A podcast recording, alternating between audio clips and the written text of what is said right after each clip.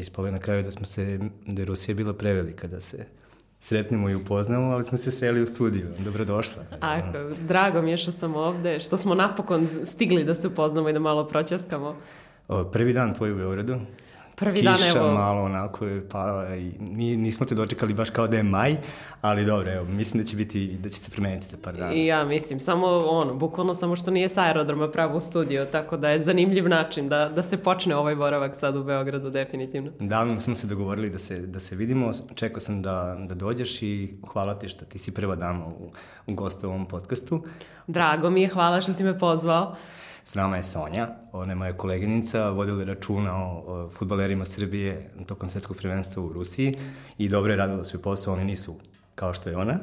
Ove, pa mi ispriče malo kako se to desilo, kako si ti postala neko ko se brine o nama, da ja dobijem dobru informaciju tamo, da selektor dobije dobru informaciju i tako dalje.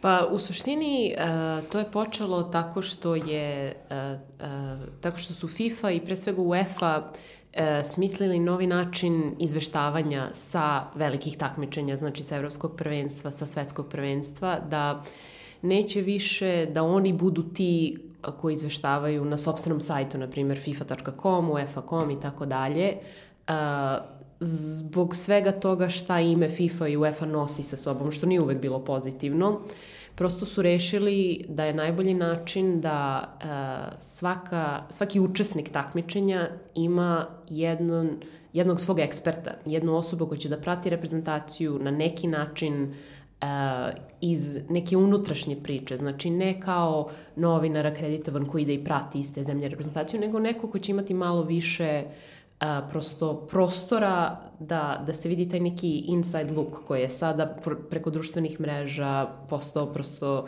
Pa dobro i malo naklonost, verovatno, znači ako si ti određena bila za reprezentaciju Srbije, možda i da budeš nekad malo i onako i da se postaviš i navijački i zaštitnički jeste, i sve. Jeste, neka je mešavina bila uh, navijača, novinara, izveštača I u svakom slučaju FIFA je po prvi put u Rusiji rešila da će svaka reprezentacija imati svog novinara, eksperta iz te zemlje koji će zajedno sa TV ekipom koja, koju svaka reprezentacija ima, da prati reprezentaciju preko društvenih mreža. Imali smo, svako imao svoj Twitter Da. i onda da prosto preko, preko live bloga i preko te njihove priče na, na svim mrežama, u stvari Fifinim, mi dajemo neki insajderski pogled na to šta radi reprezentacija. Ne samo analiza rezultata i utakmica, nego šta se dešava umeđu vremenu, kakva je atmosfera, ko šta radi, dok se slikaju, uh, ko, ko se s kim druži. Znači malo neka priča da, da prosečan navijač vidi malo nešto više nego što bi inače video. Tako da, tako je to Šta počelo. misliš da su tebi izabrali?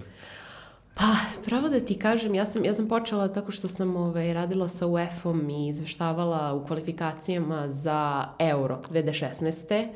I tada su mi u stvari rekli, ako se Srbija kvalifikuje, što nažalost nismo, ovaj, započinjemo taj projekat Team Reportera i ti ćeš biti tu predstavljati Srbiju. To se nije desilo, ovaj, iako je to bio najveći euro, ovaj, to je euro sa najviše učesnika do tada, ali Ja ne znam kako mi smo mi uspeli to. Verovatno je bilo teže da ne, od, da ne odemo nego da odemo. bukvalno, znamo svi šta se desilo, koje su tu utakmice bilo, o kojima nećemo više da pričamo, ali ovaj, došlo je do toga da se Srbija kvalifikovala za Rusiju, sva sreća i ovaj, da sam samo jednog dana u decembru 2017. dobila jedan mail od FIFA, da li bi bila zainteresovana? Rekao, naravno da bi bila zainteresovana. Kako je to pitanje? Moram da razmislim. Da, da, da, javit ću vam se, Da, ne da, znam da, šta da, radim da, preko da, leta da. sledeće godine. U svakom slučaju tako je to počelo i prosto iskustvo je bilo nevrovatno, mislim, kao, kao svakom, da kažem, prvo ljubitelju sporta, a posle toga i novinaru ko, kome je futbol pre svega mm, mm, sport broj jedan, sanje da se ide na svetsko prvenstvo. To smo pričali ja i ti već i prosto desilo se to da ne samo da se moja zemlja kvalifikovala za svetsko prvenstvo i ne samo da sam ja imala priliku da odem na to svetsko prvenstvo, nego da idem i da pratim našu reprezentaciju iz nekog potpuno centralnog ugla koje redko ko ima, tako da je bilo stvarno san snova. Mogli smo do četvrtfinala stignemo. Sve nam Mogli se smo. otvorilo bilo. Otvorilo se i... Ja sam mislim- išao u San Peterburg da gledam tu utakmicu uh, Švajcarska, Švedska. tek tad sam se rastužio. I, I bio sam i ljut što nismo prošli i sve. I mislim da, ne znam da li ćemo na svetskom prvenstvu imati takvu šansu da, i da, se tako, da smo je tako olako propustili. A ti si bila svega, deo svega toga, pa me zanima kako je to sad tamo sve izgledalo i tebi i gde smo pogrešili ponovo? Baš ne znamo da igramo te završnice nekako. Ne znam, ne znam. Znači, toliko je bila pozitivna atmosfera na početku. Ja koja, da kažem, pratim našu reprezentaciju od 2006. skroz aktivno i ovaj, mislim da je ovo najbolja atmosfera koja se stvorila Samo. oko naše reprezentacije od, od tada. Znači, evo koliko je to godina, 13 već punih. E, I što se tiče medija, ispolnja neke priče i atmosferu koju sam ja videla izunutra. Sa, ne samo pres konferencije, nego generalno kako je, kako je bilo ovaj, na treninzima. Postojalo je, je neko jedinstvo koje mi se čini da ranije nije bilo. I oni su to ispominjali na preskonferencijama, kako prvi put nema klanova, kako ovo, kako ono. I stvarno je tako delovalo. I delovalo je kao da imamo taj neki, da koristimo ono najkliše frazu, spoj mladosti i iskustva. Dobro, ali to Ove, nije, ovaj, nije, nemo, nije nevažno u sportu nije, da imaš to. Nije, ja mislim da smo mi to zaista imali. Ali... Ali, um, ne možemo bez ali. Uvijek tu imamo to neko. Da, mislim da što je delovalo kao jako dobra stvar na početku da je najlakša utakmica prva, pod znacima da. navoda, da se krene pobedom, da što se i desilo i što je bilo sjajno, jer je ta atmosfera dostigla mm. najveći trenutak posle tog gola Kolarova i te pobede, delovali smo nepobedivo, zar ne? Ali čini mi se da, da nam je Brazil bila prva ili druga utakmica Da. Pre nego što su oni ušli u ritam, jer su oni poznati po tome da sporo kreću. Bravo, to si upravo. I čini mi se, jer su do treće utakmice oni već ono, videli šta neštima i mogli da se opuste i da igraju svoj Neymar futbol. nije bio spreman za prvu kao Jest. što je bio i za treću, tako Jeste. to. I čini mi se da nam je samo raspored, mislim sad možemo da tražimo Libije gde god hoćeš, ali čini mi se samo da nam Brazil nije bila treća, nego možda druga utakmica, da je ta utakmica visokog pritiska protiv Švajcarske bila ipak ostavljena za kraj. A misliš da bismo drugačije odigrali? Možda. Mi smo tri puta igrali sa, ne, ne mogu da kažem za Švajcarsku da je Albanija, ali sa izrazito tako nekim momcima koji su uh, poneli taj naboj u Beogradu se desio dron, u Tirani sam bio, odnosno nije bila utakmica, u Elbasanu je bila, ali u Tirani smo dobili kamen ovaj, u prozor i sve i mi smo, nismo otišli na to Evropsko 2016. i ispali smo na kraju zbog nekako ne umemo ta, da, da iznesemo taj pritisak. Tu ono sve što je bilo dobro samo se pomuti razum i, i, i posle toga mi smo od tvojih, ja ti verujem da je tako bilo, da je bilo sve strava do toga da do danas se nisu rešili problemi koji su nastali u slačionici posle te utakmice. Jeste, i to je jako velika tuga, jer mi se čini da je do tog trenutka sve išlo jednom uzlaznom putanjom koje mi je davalo takav optimizam da ušte se nije postavljalo pitanje da li ćemo se mi kvalifikovati, na primer, za sledeće takmičenje za euro, za sledeće svetsko prvenstvo. I ja sada mislim da mi ne da imamo kvalitet da budemo ono, da se kvalifikujemo, nego da budemo aktivni učesnici sledeće faze. Ja mislim da ako ti pogledaš, mislim, od uvek je tako bilo, kad pogledaš ko je sve nam u reprezentaciji, tipa ti pomisliš ova ekipa može pobedi bilo koga skoro. Dobro, jeste tako. Kad pogledaš 11-11, jeste. ali je reprezentacija i ti si reprezentacija i ja sam reprezentacija. Da. Ako sam otišao da izveštavam sa svetskog prvenstva i nekako u tom trenutku više nego ikad osjetiš da si, da si, da. da si deo toga i da kao imaš neku odgovornost i nećeš da kvariš i nećeš da postaviš loše pitanje i trudiš se da, da možda ne znam i, i sećam se pred utakmicu u Brazil, sa Brazilom a, konferencija štampa je bila ispred uh, stadiona Spartak, gde ima onaj veliki uh, spomenik Spartaku. Mm -hmm. I sjećam se u ovoj izjave Kolarova koji mene naložio. Ja sam mislio u tom trenutku da, da on dobijamo 100% i izašao sam ispred, seo ispred one, o, ispod, pa, koliko ima, 20 metara ona, ona statua, da, da. možda nema toliko, ali i da sam onako napisao neki inspirativan tekst u smislu kao moramo da verujemo ili da poginemo kako treba, onako junački, a to, to se desi samo na svetskom prvenstvu nigde više. Ne, nekako po, poželiš da, bude, da, da se završi dobro, da. ali, ali nije bilo realno. Znaš šta, ja sam svima išla okolo i to govorila, teško je verovati da jedna Srbija može da pobedi jedan Brazil. Ali ono što je mene tako dirnulo u tom trenutku i pre i posle je koliko su ljudi verovali da to zaista može da se desi. I ja mislim da je to već samo po sebi neka vrsta pobede. Da, da ti imaš naslovne strane svih novina, što se meni se čini ne bi desilo pet godina ranije, tako nešto, gde su svi rekli, momci, pobedite. To je moguće. Da. Znači, meni pa su... samo je tako i moguće. Da, Ne- i prosto sama činjenica da toliko ljudi veruje da ti to možeš da uradiš je meni već bilo dovoljno da je ova reprezentacija i ova nacija, kao futbalska nacija, napravila jedan korak napred i da to mora da ide nekim svojim sporim tempom, baš zbog toga što kod nas uvijek ima nekih spoljnih faktora i mislim, mene toliko stranih kolega stalno pita, ma kako to Sonja, mislim, Srbija ima ta takva imena, mi onda krenu da mi listaju ko je sve igrao za našu reprezentaciju, ko sad igra, ko, po kojim klubovima, kako to da nikad niste postigli neki veći uspeh. I moj odgovor je uvek nekako balkanski mentalitet, Evo ja ću ti pitam ponovo. Sonja, zašto nismo pobedili švajcarce? zato što se desio, desila ta završnica gde koliko god da su napred svi govorili mi nećemo da za, nastavimo na provokacije, to su njihova posla, neko oni budu ovaj, sa tim nabojem, neko oni igraju, mi ćemo da igramo našu igru. I to je sve tačno i tako su igrali 75 minuta. Tako je. I, onda prosto u nekom trenutku stignete ta neka žuta minuta što je, Da. ne, nekako ne možemo pobegnemo od toga. I ima sportova gde ti to pomogne Bravo. i da ti taj neki mentalitet da taj dodatni korak da daš ono, Više od sebe u više tom od trenutku kada se najviše... Jeste, ali čini mi se da sad To nismo da- naučili da još da U radimo. futbolu ne. U nekim drugim sportovima mi se čini... Kad igramo basket sa Hrvatima, mi smo ti koji u tim situacijama tu vrstu rivaliteta koju imamo, uh, komšijskog i nekog istorijskog, pretvorimo u prednost. Jeste. Oni ne. U vaterpolu isto, ali u futbolu nekako Čini negdje mi se se da je sapletemo to stvar iskustva. Jest. Zato što znamo da možemo da ih pobedimo, zato što znamo da smo ih toliko puta pobeđivali, a u futbolu smo i dalje nekako zeleni. I dalje kao samostalna nacija nikad nismo postigli ništa više od one pobede nad Nemačkom, da tako Da. kažemo kao, kao Pre koje, trenutak. pre koje smo izgubili od Gane i od posle Australije. koje, da. jeste. Tako da uvek je tu nešto Ali nikad se ne završi ni kod nas na tome. Znači, mi odemo, mi odemo u potpunu destrukciju.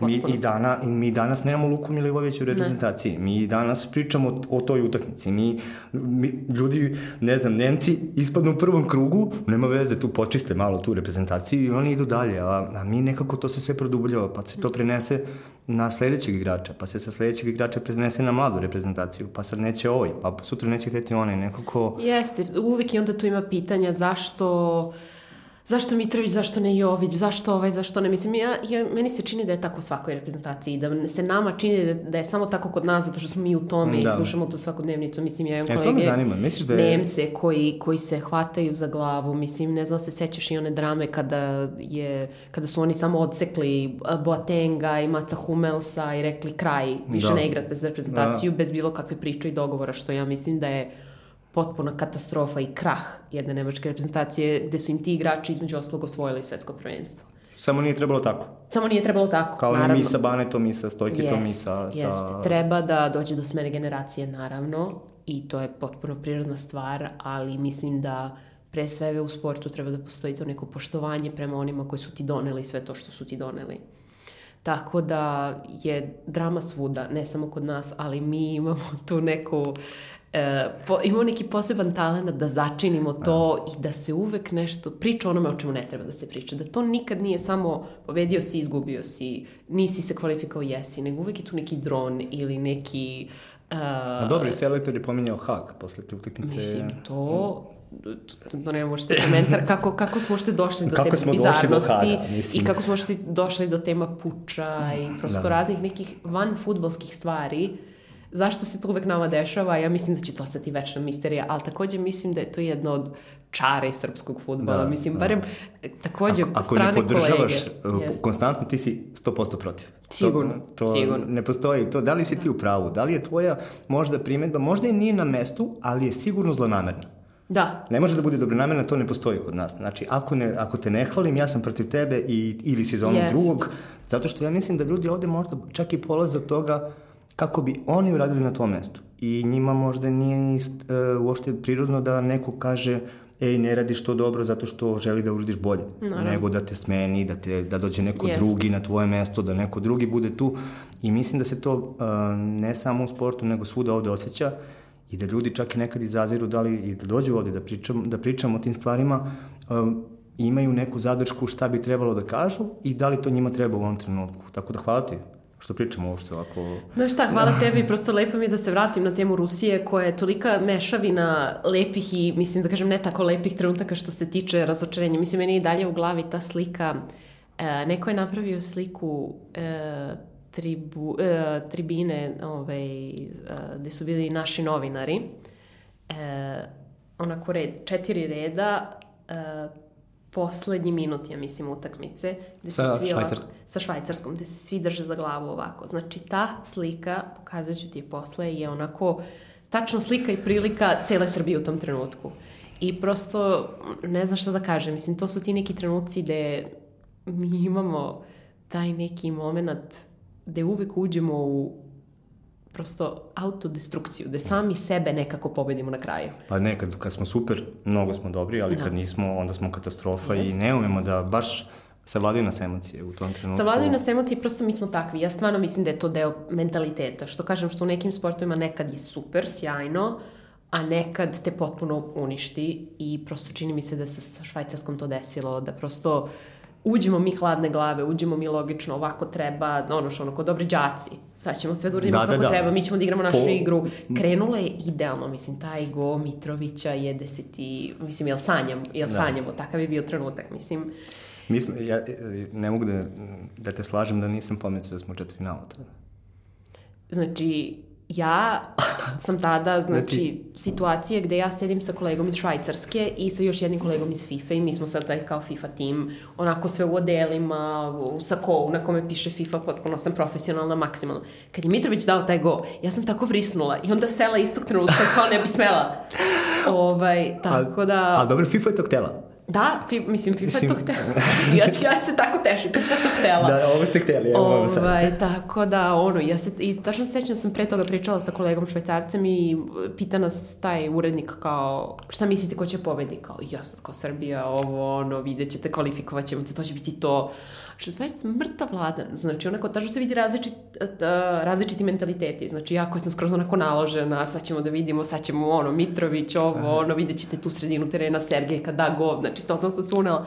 A on sedi onako, gleda, gleda i kaže, mm, pobedit će Švajcarska. I ja se skroz uvredila otprilike, kako, Da, kako kao, možeš tako razumeš vladan da kažeš. I ovaj, dođe polovreme, ja onako tresem se onako od uzbuđenja, mi vodimo, znaš i ono sve. I on kao, ma preokrenut ćemo mi, pobedit ćemo. I ja se tek tada uvredila, kao čoveče, jel ti vidiš kako je Srbija super, šta ti je? Da, da, nemate šanse. Znači, Ono- i to je tačno to, znači šta se vidi na, na tribini, to, to posle vidi se na terenu po Kad. Ronaldo da gol, kaže kalmate, kalmate. Kalma, kalma. E, to je to. Nema, kod nas nema kalma. Nema. U tome, u tome je stvar. Zato, ali dobro, korak po korak. Čini mi se da... Kako ti je bilo u Rusiji? Joj. U Rusiji mi je bilo fenomenalno. I prosto otišla sam u Rusiju baš zato što sam otišla u Rusiju iz tog nekog internacion, iz te neke internacionalne priče, znači da sam bila u stalnom kontaktu sa ostalim svim kolegama koji su radili isti posao kako sam ja pratila našu reprezentaciju, Da. tako pa ne znam, kolega iz, koleginica iz Engleske, Švedske, kolega iz Koliko vas Francuske. je bilo uh, devojaka u, u tom pulu? Bila je jedna trećina. Trećina. Što je, ja mislim, za FIFA sjajna, sjajna Dobro. stvar. Znači, bilo je 11 devojaka. Dobro. Iznenađen da- baš lepo. Tako da je, u stvari, i oni su se mnogo trudili da e, to bude balans neki. I, ali ono što se meni sviđa, jer se sad mnogo priča o ženama u sportu, sportskom novinarstvu, ali ni, ja mislim da ni jedna ženska koleginica ne želi da dobije posao samo zato što je žensko. Da, ja nisam teo da pričam o ovome, da ne misliš da pričamo samo zato što si žensko, ali nemam, nemam boljih sagovornika za to od tebe, tako da... Tako da meni se čini da... E, e, Jesi imala nekad e, neku, eto, neprijatnost ili da si osetila da te neko ne shvata dovoljno ozbiljno, da nisi kompetentan sagovornik i kako si u tom trenutku reagovao? Znaš šta, ja mislim da se uvek desi u tom prvom trenutku, da je uvek ono, e, prvi utisci ti mnogo govore i sad kao sportski novinar i generalno meni se čini da ja i delujem dosta mlađe Deluješ. I usput, mislim, ono, sam sad kao neko žensko sportsko novinarstvo u futbolu, još kao sad ona ima nešto kaže o futbolu. Mislim, i onda je prvi trenutak, pogled je uglavnom taj neki, kad, kad se s nekim upoznam ili ovo je kao, ko je ova mala, šta da. hoće. Ali, mislim, moje neko iskustvo negativno, ja to ni ne, ne vodim kao negativno iskustvo, dalje od toga nikad nije ni postojalo. Znači, meni se čini da ako znaš o čemu pričaš i ako imaš dovoljno samopouzdanja da to izneseš, e, da te posle već nekoliko minuta svi budu da. u fazonu, pa dobro, možda ipak zna o čemu priča ova mala. Ovaj, A tako kako su da, tu malu prihvatili i naši futboleri tamo? Uh, si bili okej? Okay, mislim... Pa jesu, jesu. Moram da kažem da sam, od kad sam, u suštini 2011. tad sam prvi put, da kažem, imala dodira sa nekom našom reprezentacijom na univerzijadi u Shenzhenu, gde su naši košarkaši osvojili zlato i tad sam tu priču pratila kao mladi novinar. Uh, ovaj, da sa našim sportistima nikad nisam imala problema. Ni, ni ženskim, ni muškim, da je, tu sam uvek bila, mislim, da. ni sa kolegama novinarima, da kažem, stvarno moram, da sam imala sreće u svakom smislu da kad se pređe taj prvi utisak ko je ova mala da. i kada se ipak ono, nađeš u situaciji da postaviš neko relevantno pitanje. Ali da... bilo je nekad da si poentirala? Onako da je, da je neko možda bio, imao neku predrasudu i da, i da se prosto namestilo da se tim, tim tom trenutku pokazala da razumeš sport i da, ja znam koliko pratiš futbol, nema, mislim ako neko pomisli da devojka ne gleda futbol, ne verujete. Mislio sam da je potpišen kao, kako sam napisao? Futbol, futbol, Futboloholik, tako nešto. Da, da, da. Tako da može, mislim, stvarno od uvek, ko šta radi, ja sam gledala futbol od onih najnebitnijih utakmica svih liga, što mislim, svi do nekle radimo ako, ako volimo futbol. Ali znaš šta, de, desilo mi se, priča koju ja pamtim je ovaj, pošto živim u Italiji u Milanu, ovaj, to jest do skora jesam, ovaj, kad sam tek došla, jedna od prvih stvari mi je bilo da, da odem na utakmicu uh, AC Milana. Znači, to mi je onako bilo... Ja navijam za Inter. Ja ne navijam za Milan, ali jesam kao klinka. Aha, znači, kada je bila ona ekipa Ševčenko, Kaka, Dida, Nesta, ovaj, Maldini, prosto oni su mi bili neki onako, znaš, tako da... To smo vam mi dali, Pirla i, i Sedorfa, inače ne bi bilo ništa toga. Ajde da pomognemo malo. Ovo, ajde, komšije, ajde. Da. u svakom slučaju, tako da, i onda nekako, to je bilo 2015. i meni je tad bio san da odem na taj San Siro, da, da gledam taj Milan i tada je bila, tad je Milan još bio u Ligi šampiona i bila je utakmica protiv Atletico Madrida. Mm. Znači, i to je bila ona sezona kada je Atletico otišao do finala da. protiv da. Reala. Igrali su onim užasnim žuto-crnim nekim dresovima, ja sam bio u fazonu kao moguće... Jo, jest ovo Atletico, ka, šta jeste, je ovo, neka par. Poznaš, da, da, da, neka par ili neki onaj a, a Borussia ili... Da, da, da, nik, ali nema razloga za tim. Ne znam zašto to radi. Sad su svi, mnogo su, Adidas i Nike su mnogo ušli u neki fazon drugih boja. Da, ali zašto? Tako Mislim, da... kao gledaš Atletiku i Milan mo, može da igra svaku u svojoj opremi da. i da bude opet okej. Okay. Izvini, prekida da, sam te. Ništa, znači to je bilo 2015. Znači kada je Atletico bio ogroman i kada, mislim, to, to je bio februar, znači još nisu, ali su, to je sezona kad su osvojili La Ligu. Da. Mislim, kada je, kada su imali uh, Kurtu, Kurtua, ne znam kako da naglasim Kurtu, to na da. da. E, i Kostu i kada je to bila prosto jedna ozbiljna, ozbiljna ekipa i to je bila utakmica na kojoj sam se ja našla, znači Milan, Milan Atletico I ja kao novinar koja je tek tu došla, znači ona dobila akreditaciju u suštini zbog mog šefa italijana koji je dugo godina radio za gazetu i koji mm -hmm. nisam dobila akreditaciju zato što sam ja sad kao neki novinar koji da. služio tu akreditaciju, nego zato što mi je šef nabavio kao ja, ja idem na utakmicu kao novinar, znači ono potpuno star strak, potpuno. I idem kao posle u mix zonu. I sad možda zamisliš tu mix zonu koliko ima španskih italijanskih novinara koji se laktaju. Znam. I jedino sam žensko bila. Znači, eto, to je bilo pre 5 god, 4 godine, znači imala sam 25 godina i 26 i prosto nisam znala uopšte šta, ali kao hoću, a pritom mi je šef rekao, idi na utakmicu, ja ću da ti sredim to i ovaj, kao kasno je, pa organizovat ćemo ti nekako da neko dođe po tebe i kao otprilike silno ćemo se iscimati da bi ti otišla na tu utakmicu što si toko zapela, onda bar nešto napiši. Lepo ti rekao. I, a tad je, ali tada je Balotelli igrao još za Milan, za Milan i on je bio u fazonu ajde napravi neku ekskluzivu s Balotelijem kao. Balotelli je, naravno, Milan izgubio tu utakmicu 1-0, Diego Costa je dao go. Balotelli izašao na zadnjem vrate, verovatno. Balotelli je prošao pored mix zone, namrgođen kao, kao ne ti objasnim i naravno da, da ništa nije moglo. I meni, uh, piše mi poruku šefi kao, je li ima nešto? I rekao, Balotelli je sad prošao, e, ne, znači nije hteo. I on kao, dobra, aj ne veze, aj samo kreni, kao. Ja rekao, ja ću ipak da ostanem da im da li još nešto drugo mogu da, da nabavim. I ja se sad razmišljam, znači oni se svi tu guraju lakti. Ja rekao, šta da radim, koga da zustavim? Koga što mogu da zustavim, mislim, ko će da mi stane? I ovaj, ja rekao, mm, ajde da vidim rekao, realno svi hoće sa Diogom Kostom da pričaju, zar ne? Mm, da, i gol, Costa, mislim, da. On je i dao gol Da. na toj utakmici i on je naravno stajao svim televizijama prvo. Znači, prvo mora da prođe onaj TV deo da bi onda došao do nas koji smo kao on, written press. I, ovaj, i ja rekao, a ja sam inače pričam malo portugalskog i bila sam u fazonu, on je brazilac, ajde da igram na tu kartu. Bravo. I Diego Costa prolazi posle 100 godina, mislim svi ostali prolaze, niko ne priča, ko, pro- probala sam uh, kako da zaustavim, on isto nije hteo i ovo i ono i tako dalje. Ne razume portugalski. I, ovaj, I dolazi Diego Costa i ja mu se obratim na portugalskom, znači ono, prekrstim se pred toga i bilo u fazonu kao, Diego, jel može jedno pitanje? Kao, "Jel može jedan minut, samo na kratko. I on stane. I desi se trenutak da ja tu, znači, ono, jedino žensko i najniža tu od svih tih novinara, samo odjednom se stvori sedam mikrofona iznad moje glave, otprilike, ono svi hoće. I kako kreće intervju na portugalskom, 90% ljudi Da. prosto Bravo. Italijane naročito ne zanima. Španci su neki kao ostali, ali posle drugog pitanja, a ja pritom moj portugalski uopšte nije savršen, naročito u trutku da treba da izmišljam pitanja na licu mesta. Ali smo snašla si se. Ja i Diego smo se tako lepo ispričali. Ja sam tako lep intervju odradila s njim. Znači, ona imala pola, ono, odličan odgovor njegovo o Courtois, ovaj, kako i o tome šta on misli da Atletico može te sezone. Znači, onaj intervju se završava tako što on meni govori, ja mislim da Atletico može sve da osvoji ove sezone. I za malo da osvoje Da, sve. i, i bilo finalno je na tom stadionu, je tako? I pena, penali su bili sa Realom. Ne, ne, ne, ne. Te ne. godine. Ne, ne, ne, ne, penali su bili sa Atletikom, ali to je bilo 2016. A, dobro, to je, to da, sa Atletikom je godine, bilo, uh, tada je bilo u Lisabonu, U jel da? Lisabon, da, To je da. bilo Lisabon, čuveni, eh, čuveni Sergio, mislim, ja sam navijač Reala, Da, tako da izvinjavam se, ali uh, go Sergio Ramosa ovaj, u zaostavnom 90-im, vremenu da. jeste. Tako da, u svakom slučaju, i to mi je bio trenutak gde dolazi uh, port parol Atletika, dolazi Kosti, bude u fazonu Diego Ajmo, i, ovaj, i on ga zaustavi i kaže, pričam sa ovom mladom damom, evo za trenutak dolazi. Molim vas.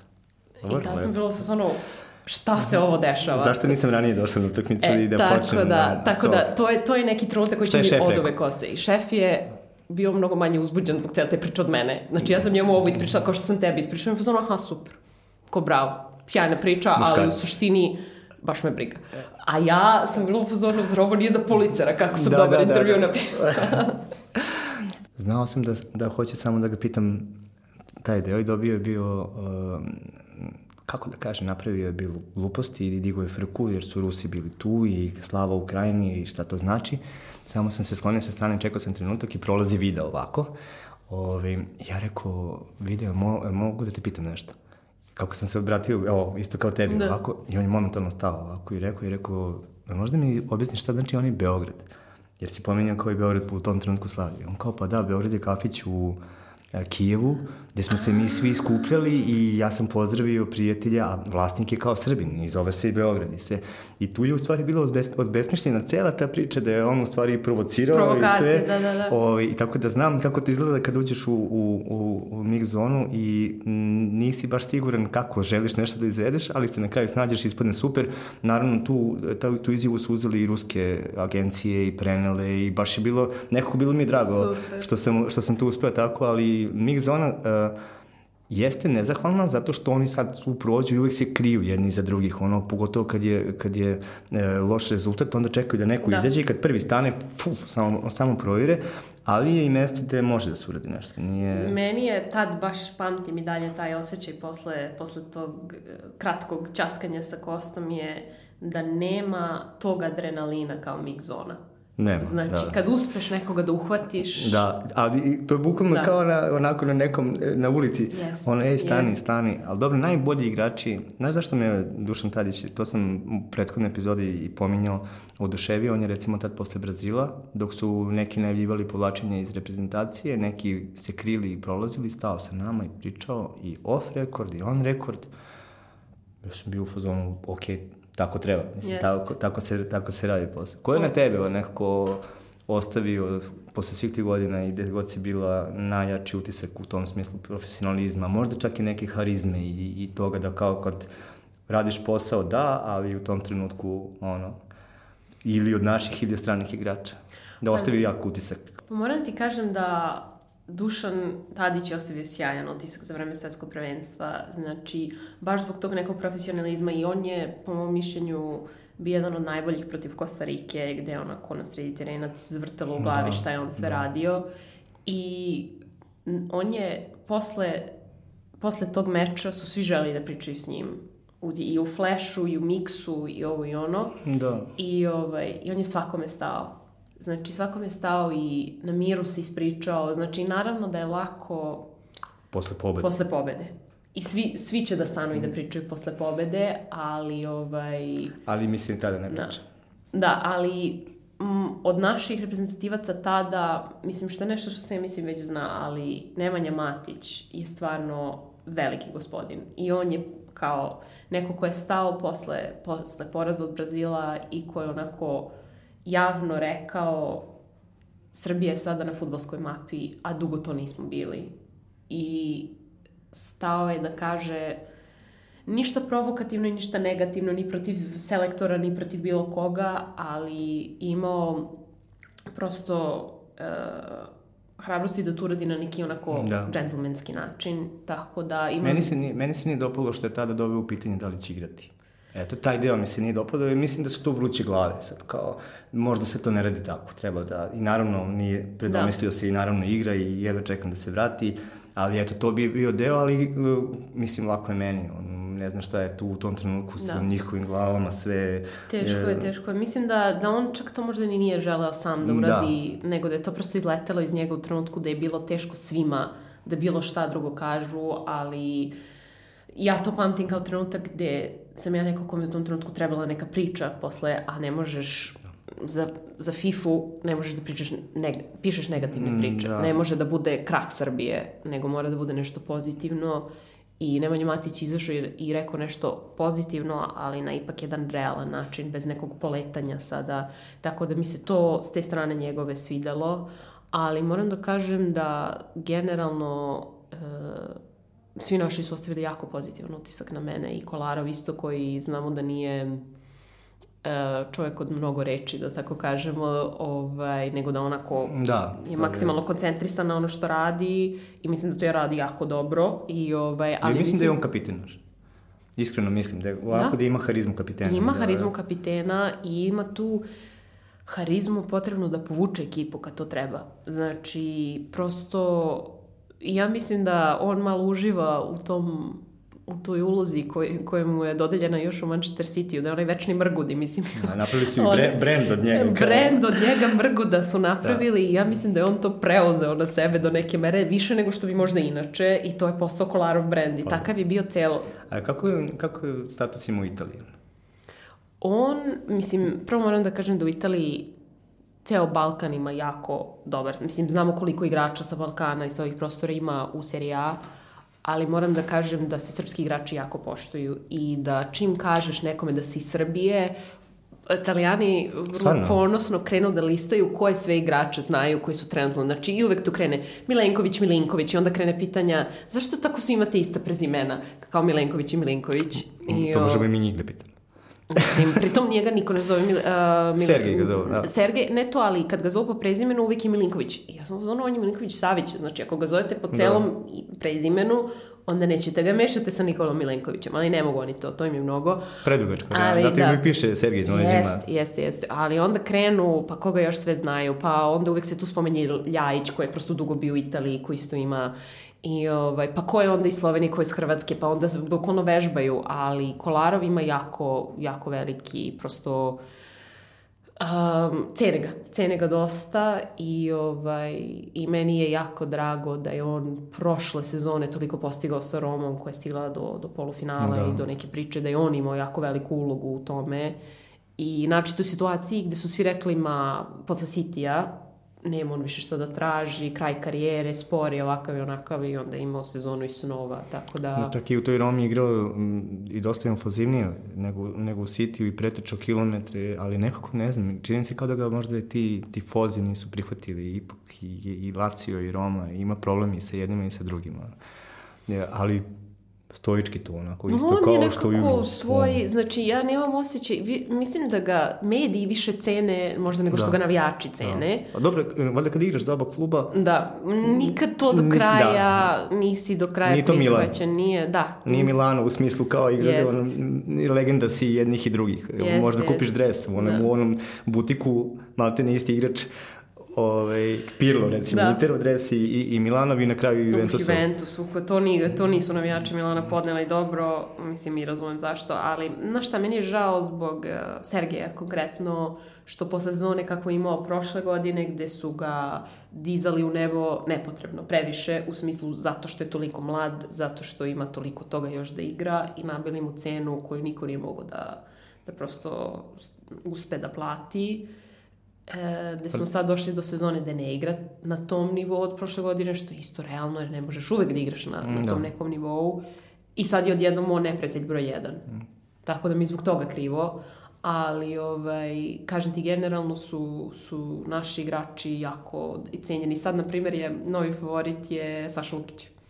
Da, dao je gol Juventusu yes. i žao mi je što nisu dobili, ne zato što sam interista pa navijam da. uvijek protiv Juvea, ovaj, nego, nego mi je žao zbog njega, prelep go je dao. Prelep ali... go je dao i pokazuje koliko može, u stvari, on je isto jako mladi igrač, mislim da ima mesta iza njega u tom Torinu, još ako oni dostignu neku Evropu, što mislim da hoće. Sad peti su, tako šesti, tako nešto. Da, mislim da su tu negde, sada se to dosta menjalo, ali ovaj, mislim da da on ima prostora da, da prosto napravi neko ime od sebe u Italiji takođe, tako da uvek će biti naših igrača tu. A, ti si isto napravili ime u Italiji, mogu to lepo da kažem, i to na taj način da će između 60 i nešto miliona italijana, neko je tebe pozvao i rekao da li to isto što si radila u Rusiji sa tvojim, a želiš da radiš i uh, sledećeg leta u Francuskoj sa našima. Jeste, znači sad je došao neki novi trenutak novih izazova, znači ovo je godina svetskog prvenstva u futbolu za žene, u trenutku gde se toliko priča o ženskom futbolu, gde je pažnja medija i navijača, ja mislim, najviša nego što je ikad bilo što se tiče ženskog futbala i znak toga je i činjenica da je FIFA rešila da uloži, a to je, mislim, veliko je ulaganje ovaj projekat sa, sa novinarima, po jedan novinar za svaku reprezentaciju, rešili su to da ulože i u ženski futbol i da pokažu da ono što su radili prošle godine sa Rusijom, što se smatralo velikim uspehom, da to isto prenesu, isti taj model na ženski sada futbol i žensko svetsko prvenstvo i da kažu evo koliko cenimo ženski futbol. I mislim da je to sjajna stvar. Srbija se nije kvalifikovala, što u stvari nije bilo toliko nemoguće. Znači, Srbija je bila treća u toj grupi na kraju i postojala je šansa da bude druga i ide, da ide na taj neki play-off. Ali, ovaj, što bi meni bilo neverovatno drago. E bi onda radila... Onda bi radila Srbiju. E, si više italijanka ili srpkinja? Definitivno sam više srpkinja. Znači, Italija je četvrta zemlja u kojoj sam ja živela i ovaj, prosto, evo sad koliko, skoro pet godina sam tu i neke stvari koje sam na početku prevrtala očima na italijane i na, znači kako su snobovi za hranu, za kafu, za ovo, za ono, na kraju sam postala ista takva za neke stvari, tako da sam preuzela neke stvari, ali sam definitivno više srpkinja, ali sam dobila taj poziv od FIFA. Da, da brineš o italijanskim reprezentativkama. Znači, kao što sam pratila reprezentaciju Srbije prošle godine pod znacima navoda iza kulise i da za FIFA.com i za društvene mreže e, pratim njihov put tokom svetskog prvenstva, pre svetskog prvenstva i tokom svetskog prvenstva za Srbiju. To sad radim za, za devojke iz Italije koje su se kvalifikovale na svetsko prvenstvo prvi put posle 20 godina. Čestitam ti na tome, želim ti da budeš e, da jednako dobro se provedeš u Francuskoj kao u Rusiji. Hvala, hvala. Znači, to je prosto poziv koji stvarno nisam očekivala i oni su meni rekli, prosto bili smo jako zadovoljni kako si radila za Srbiju ovaj, u Rusiji i mislimo da činjenica da živiš u Italiji, da imaš puno kontakata tamo, da imaš prosto tu neku vezu sa medijima, sa javnostima tamo, da bi ti bila idealan kandidat. A ja sam ih onako gledala i rekla, ljudi, mislim, zar nije logično izaberete nekog italijana za to? Mislim, ne da neću, prihvatam Nego... rado, ali prosto meni bi bilo više fair da tu poziciju date nekome ko je zapravo iz Italije. I oni su rekli, znaš šta, posle, posle prošlogodišnje, e, prošlo, prošlogodišnjeg iskustva koje smo imali, gde nam je po svaku cenu bio cilj da imamo nekoga iz te zemlje i gde smo shvatili da je možda ipak stručnost bitnija od same nacionalnosti. I, I pola, je li tako? Da se da, vratimo, da na, se vratimo na, na, na, to, na tu priču. I, ovaj, I rešili smo da nam je bitnije da imamo ljude u koje verujemo. Bravo. Nego da po svaku cenu imamo nekog italijana za koga ne znamo kako će da radi. Suština ispred forme, ali tako? Jeste. Tako da su to oni rekli, ja sam rekla, ako je vama okej okay da vam Srpkinja predstavlja reprezentaciju Italije, meni je okej. Okay. Meni isto okej. Okay. Da, meni isto okej. Okay. Tako da smo došli do toga da ponovo svako, svako od nas ima svoj Twitter. I, ovaj, sad možeš ovaj, tweetuješ na italijanskom. Da, sad tweetujem na italijanskom, što... A na kom jeziku je razmišljaš? Ja razmišljam na mešavini srpskog i engleskog. Znači, ja sam odrasla u Americi i s te strane sam skroz bilingvalna i onda mi zavisi od trenutka. Znači, za, zavisi od, od bukvalno od, o kome razmišljam, o, bukvalno mešavina, mešavina. To je onako pitanje na kom jeziku sanjaš. Znači, da, nemam da, ni pojma. Da, da, da. E, ali ovaj, italijanski pričam ali ima neke stvari gde sam ono, gde moram onako baš da pazim, da ne mogu tek tako da odem i kako bi na srpskom, kako bi na engleskom, nego moram da onako, da. da se malo više posvetim tome, što mislim da je sjajno, zato što prošle godine je bio prvi put da onako nešto radim i bila sam onako toliko uzbuđena i toliko željna da to radim kako treba.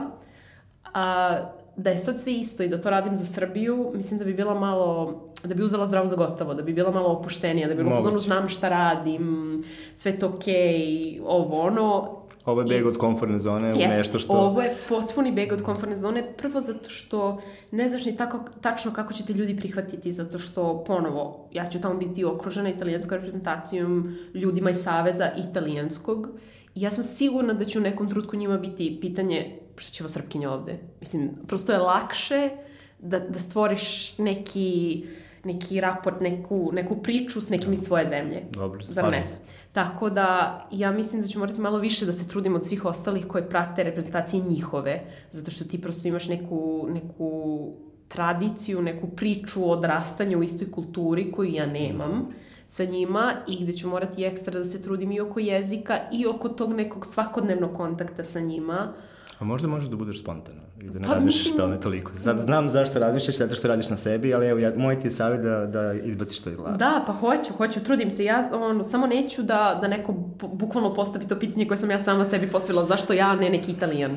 Tako ali to je da, njihov problem. Pa jest. Nisi ti sama sebe postavila tu, tako da e, neko, neko drugi to treba ali, da radiš. Ali mislim, u svakom slučaju se mnogo radujem i ovaj, o, u ovom trenutku imamo ovaj, jako veliki broj ženskih uh, devojaka koje rade taj posao, znači 60%, 70, 70% su devojke i, ovaj, i prosto jako sam ponosna na činjenicu da nije samo da se priča o ženskom futbalu, nego da se priča i o ženama u futbalu.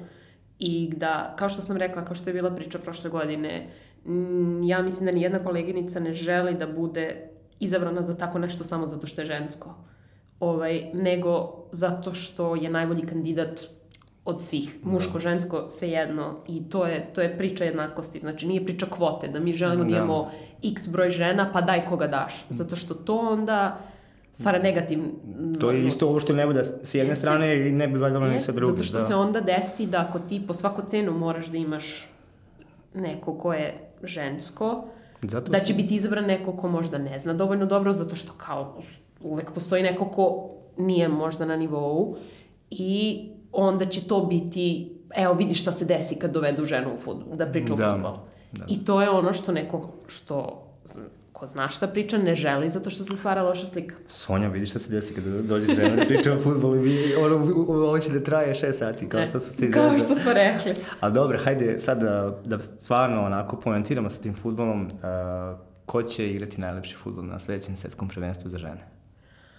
Najlepši u smislu na šta onaj ko bude želeo da gleda to, bit će prenosa sigurno, ne znam ko će to da od nas da prenosi ovde, na šta da obrate pažnje? Šta su tvoji savjeti? Jo, ja se nadam da će biti prenosa, da ćemo ovde u Srbiji moći... Mislim da će Eurosport da prenosi to. Ako, u, često sam sretao ženski futbol na Eurosportu, pa eto. Nadam a, se, nadam se. Mogu da ti kažem ko će u Italiji prenositi. Stri, I Rai i Sky će u Eto, Italiji vidiš. prenositi. I tako Rai i Sky. Da, I Rai i Sky, to je super zato što Sky je preuzeo ove godine prenosi seriju A žensku, što je super stvar, ali Sky se plaća, mislim, i onda je prosto bila priča da li će Rai kao, kao nacionalna televizija da prenosi i hoće, tako da je to sjajno. Nadam se će i kod nas negde to moće se gleda i, znaš šta, tu, su, tu se pričaju o standardnim favoritima, Amerika je tu za jedan korak ispred svih. Mislim da i Engleska je dostigla taj nivo, Nemačka je dobra, Skandina, Skandinavke su sjajne uvek. Uvek, da.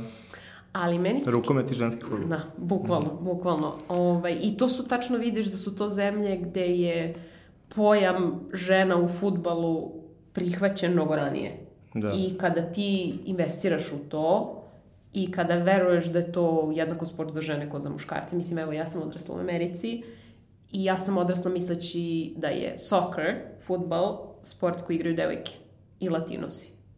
Znači, muškarci ne igraju futbal.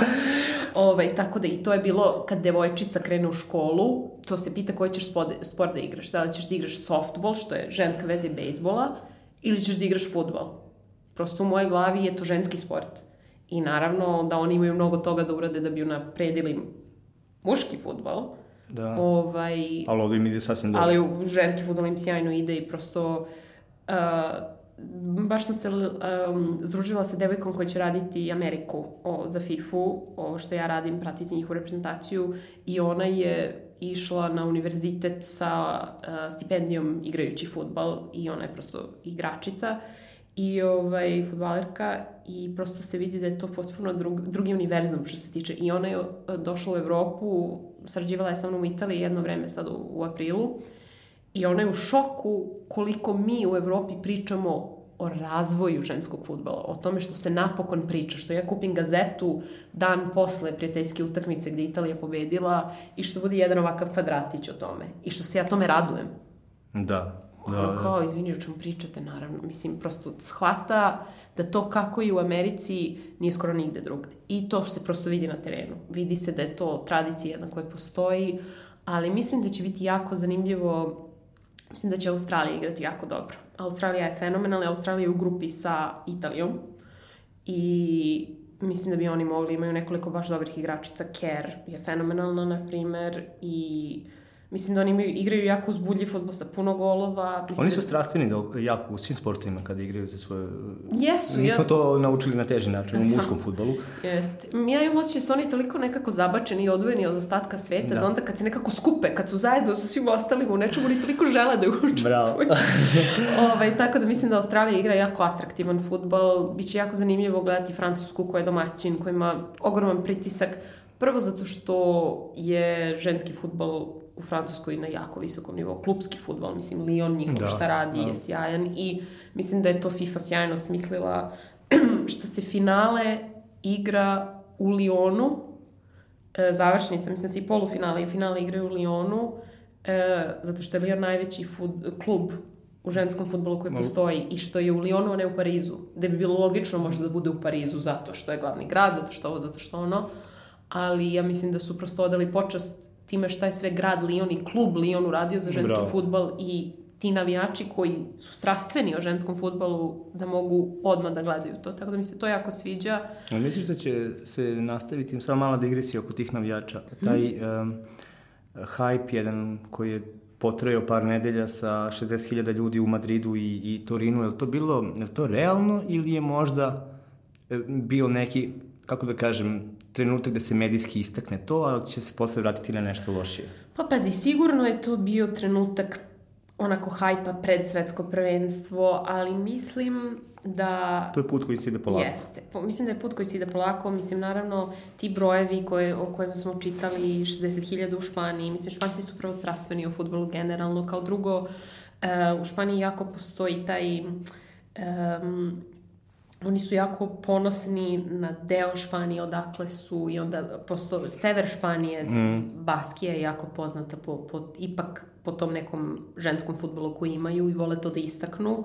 To jest, jedna, navijači su jednako ponosni na ženski klub kao i na muški i to se prosto videlo tamo i u Torinu je bilo fenomenalno što su jako dobro. Mislim, moram da kažem stvarno da Juventus znam da ga ti ne voliš. Ali, ali to ne znači da nisu ovaj, odlični u tome da, šta rade. Da, a, znaju šta rade i pametno su investirali i uložili jako puno novca u ženski klub koji je sad postao šampion drugu godinu za redom, koji je svoj kup Italije i prosto ulažu u to na pravi način. Iskoristili su pauzu, međunarodnu pauzu, ovaj, kad su se igrale ove prijateljske tako utakmice u muškom futbolu, kada se ne igralo na stadionu Juventusa, da. da tada otvore stadion, da devojke tu igraju i jesu se te karte delile. Jesu, ili su se plaćale simbolično i u Italiji i u Španiji. Ovaj, ali nije bitno. Ali nije bitno jer je to prvi korak Posle će se stvarati činjenice da naravno da moraš da plaćaš to to ko što bi plaćao i za muški futbal. Ne uz te cene, nadamo se, koje su sve jedno prevelike.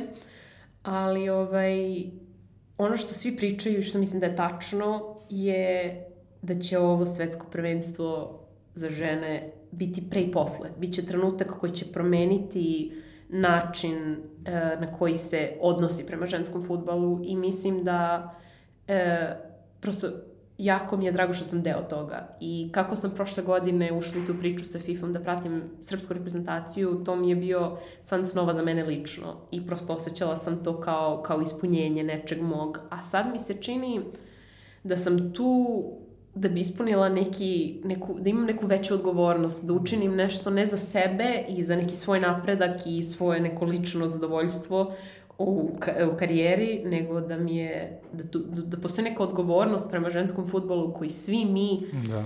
a, moramo da ispunimo i da treba da se priča o ženskom futbolu, da treba da devojčice širom sveta to bude normalna stvar. Da to bude normalna Normalni stvar. izbor kao i bilo koji da, drugi sport. Da, mislim, ja sam, moje prvo neko iskustvo s praćenjem ženskog futbala je bilo na uh, svetskom prvenstvu za devojčice do 17 godina, koje se 2016 igra u Jordanu. I to je FIFA želela jako da naglasi to takmičenje, zato što je bilo prvo gde uh, prvo svetsko prvenstvo u futbolu koje se igralo u jednoj arapskoj zemlji. I, to jest uh, muslimanskoj zemlji. I, ovaj, I to je bilo moguće jer po prvi put je godinu dana pre toga FIFA dozvolila da se futbol igra sa maramama, sa hijabom. I tek tada su reprezentacije pristale na to. I moram da kažem da, znači, eto, to je bilo pre tri godine, nisam mnogo očekivala od tog nivoa futbola. Prvo zato što su juniorke, jel tako, mislim, do, 16, do 17 godina.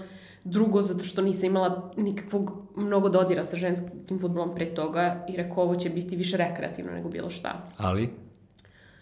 Kako te devojke igraju futbol? Mislim, jedno ime koje, nažalost, Venezuela se nije kvalifikovala sada na ovo svetsko prvenstvo, ali Dejna Castellanos, znači ako odeš na YouTube, ako odete na YouTube i, odgled, i pogledate njene golove, znači to je jedna devojka iz Venezuele koja igra za neki koleđ u Americi, zaboravila sam sada koji, da li je Miami ili taj, tu neki. Um, kakve golove daje? Dala je tada na tom, u Jordanu, na tom svetskom prvenstvu je dala go skoro sa sredine terena, lob, kakav ne znam da li sam videla. Znači, ovaj, tako da bilo je nekoliko situacija gde sam pomislila načine koje se ove devike bore. I to je ono što, što smo baš pričali o tome, što se sad po Twitteru širi. Znači, ono što mi se sviđa, sviđa o ženskom futbolu je ne, nema padanja. Nema padanja padneš, ustaneš, ideš dalje. A stvarno je bilo tako.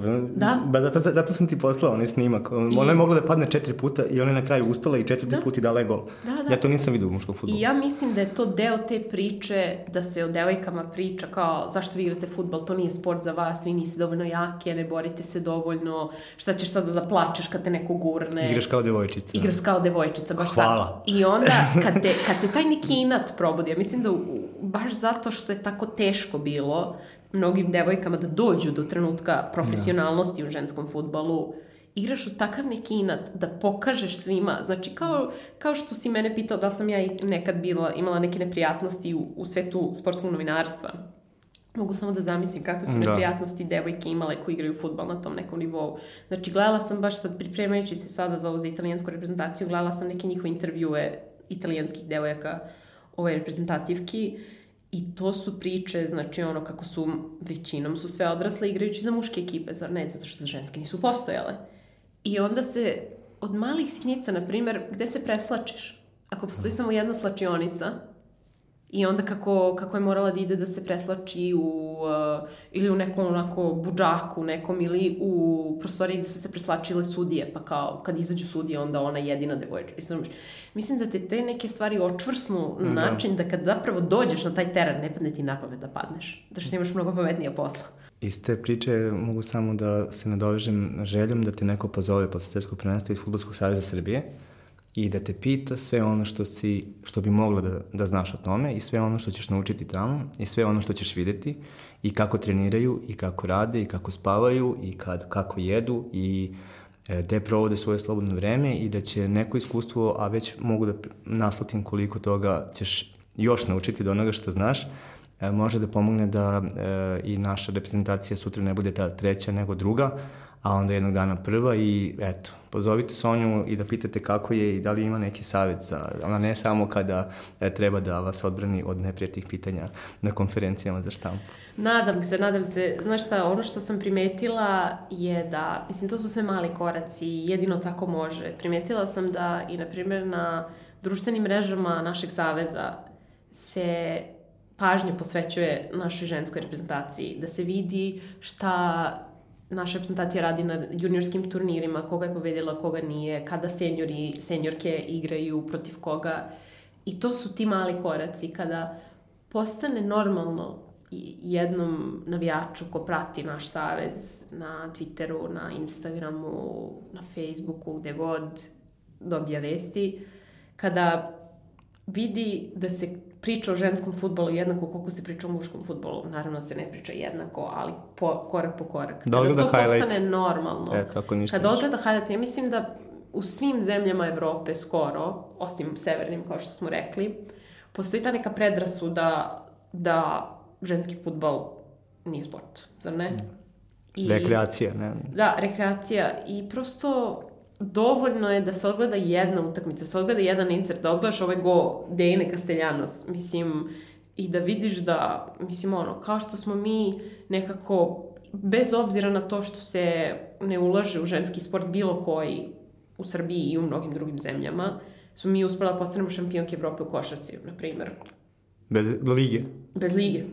Zašto se tako nešto ne bi desilo i u futbolu, gde sam ja sigurno da postoje talentovane devojke koje to mogu da urade. Tako da, ja mislim da je to korak po korak i da ono što sve igračice širom Evrope kažu je da samo medijska pažnja je potrebna. I kada to postane normalno, kada si ti okružen tim, znači ti ne možeš da pobegneš od muškog futbala. On je da. svuda da. oko tebe. On da. je svuda. I ti makar ne želeo, da znam, imam toliko prijatelja koje ne vole futbal, ali mogu da ti kažu tri stvari, samo zato što je, si večno okružen Samo uključi TV ili, Jest. ili je pogleda društvene mreže i zna. Jeste. I ako se dođe do toga da se više priča o ženskom futbolu, to će onda postati normalno. Tako da mislim da je zadatak nas, novinara i medije generalno, da korak po korak više prostora i pažnje posvećujemo i da kada se do tog nekog nivoa dođe, onda će postati normalno i navijačima. A onda mislim da je onda drugi korak vodite decu na stadione, da se gleda ženski futbol. Ako ti uzrasteš uz to da je potpuno normalno da gledaš jednu ženu sa futbolskom loptom, pa onda ćeš onda će se to kroz generacije i generacije prenositi, tako da... Zato mi je drago da pričamo uopšte o tome, pa ću te ovako pitati šta ćeš raditi sutra i preko sutra uveče. Sutra i preko sutra uveče ću gledati Ligu šampiona. Mislim, moram da... moram da kažem da, da sam ovaj, birala kad, koji ću let, kojim ću letom da dođem u Beograd i generalno moje pravilo za letenje izbegavaj jutarnje letove kad god možeš.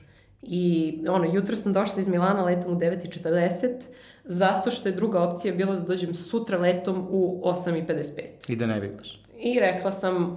Onda pre, bolje kolima.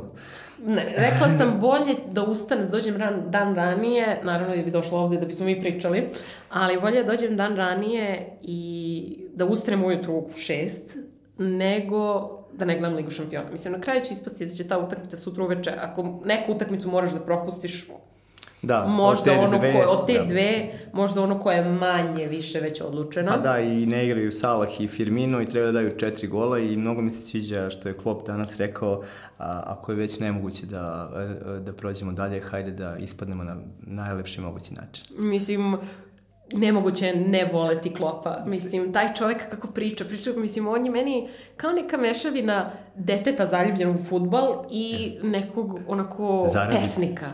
Znači, njegovi, njegove konferencije su, su prezabavne, kao da je sa svima onako blizak prijatelj koji je došao na večeru i časka tu s tobom i tako da mislim, on je sjajan i prosto žao mi je što Liverpool izgubio više nego što je, da Bravo. kažemo, zaslužio da, izlu, da izgubi, ali žao mi je što Firmino nije igrao, koja, mislim, mogu da preseče, zato što Barsina odbrana nije dobra.